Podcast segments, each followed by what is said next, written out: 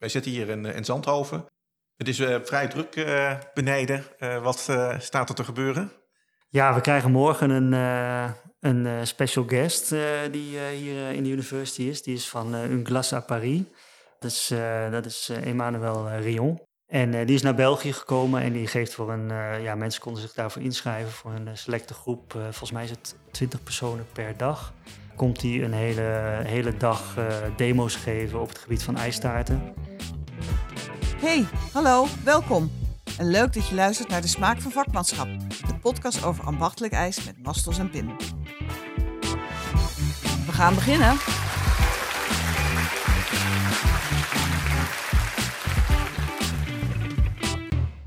Oké, bij ons aangeschoven is uh, Patrick Aubrion. Jij was beneden voorbereiding aan het treffen hier in de University voor morgen. Hè? Wat, uh, wat staat er te gebeuren morgen? Merci. Er staat enorm veel uh, te gebeuren, denk ik. Het is weer een leuke rançon Inspirations, uiteraard in samenwerking met de Carpigiani Academy hier in Zandhoven, hè, Benelux. Ja, we hebben er weer een, een tof ideetje op zitten. Ja. was ook onmiddellijk vol weekje op de website en het was onmiddellijk volboekt.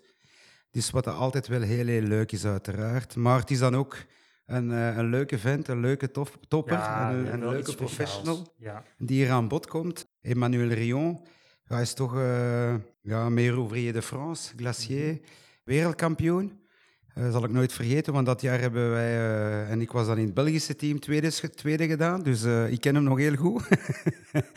en, en ondertussen behoort hij ook uiteraard al een paar jaar tot het selecte groepje Relais Dessert. Ja, ja. dus, dus voilà.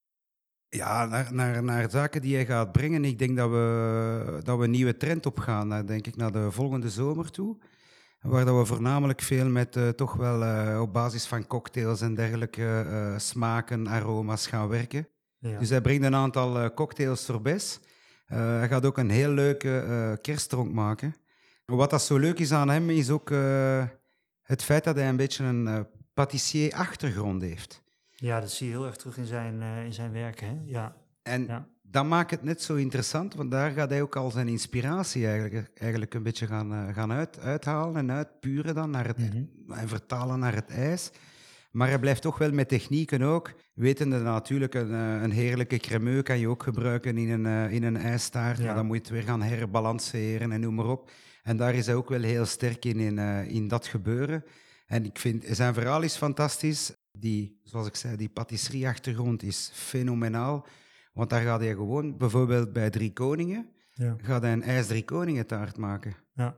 Dus op ijs. Ja. Dus wel met de bladerdeeg die hij gebruikt, maar dan van binnen is het allemaal uh, ijs gerelateerd. Dus voilà, het komt zo allemaal terug uit de patisseriewereld. En dat gaat hij de mensen ook uh, leren morgen, hoe je die vertaalslag maakt? Want dat is vaak moeilijk, hè? patisserie ijs, dat is toch wel echt wel wat anders. Maar hij gaat daar wel wat, wat inzicht over geven van hoe je zo'n cremeux dan uh, opnieuw balanceert. En of is dat... Nee, nee, inderdaad, inderdaad. Dat hoort er ook bij. Een klein beetje technologie uiteraard. Hè.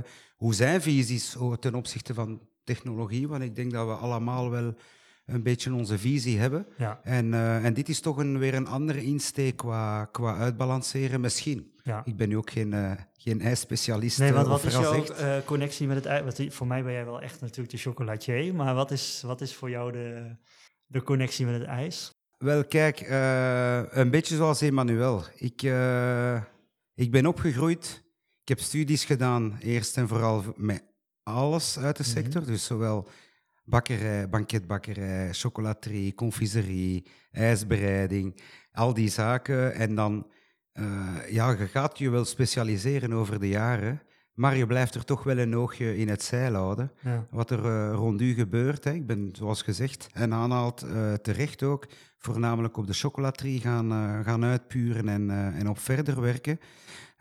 in dit gebeuren, ja, maar je blijft kijken wat gebeurt er nog links, wat gebeurt er nog rechts enzovoort. En het zijn juist die insteken ook die mij een beetje triggeren, omdat ik één kant gekozen heb van, uit het beroep. En dat triggert mij wel hoe mensen zo ver komen in, in het nadenken, in hun domein dan ook weer. Ja.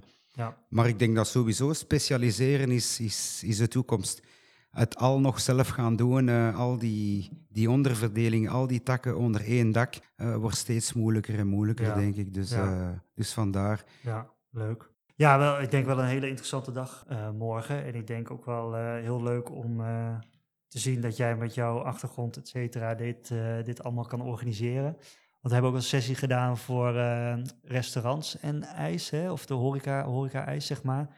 Hebben we ook echt een hele goede opkomst mee. Echt, echt wel gerenommeerde bedrijven. Toppers, die, hè? Ja, echt toppers erbij. Ja, dat was ook wel heel erg leuk. Dus, ja. en heb je al een, een idee over een volgende sessie die er misschien nog aan zit te komen? Ah, ik denk dat het iets te voorbarig is om, uh, om het al uit te spreken. Maar ik weet wel dat jullie binnenkort ook met Rançon, de, de volgende misschien is de, zijn de Ice Days, Ice Days dat we ja. hier ook doorgaan. Ja. Wat altijd fantastisch is, hè, gekoppeld uiteraard met jullie fantastische Carpigiani Challenge, de wedstrijd. Ja. Dus dat blijft altijd een, uh, een fantastisch uh, evenement om, om zeker naartoe te komen. Ja.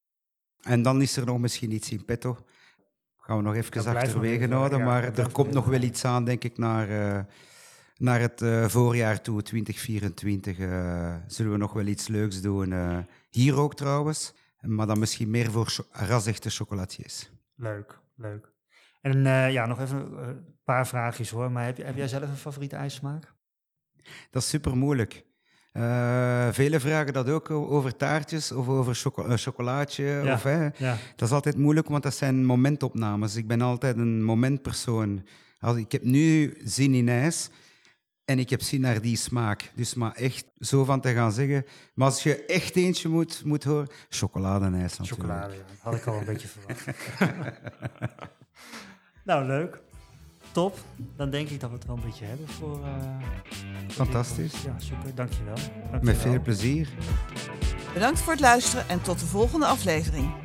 Wil je meer weten over onze podcast De Smaak van Vakmanschap of de aflevering van vandaag? Kijk dan op onze website of Instagram-account.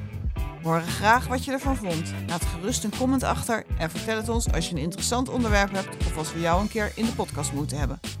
Blijf je graag op de hoogte van nieuwe afleveringen en recepten? Abonneer je dan vandaag nog op de nieuwsbrief en mis geen enkele aflevering. Bedankt voor het luisteren. Slagroom erbij?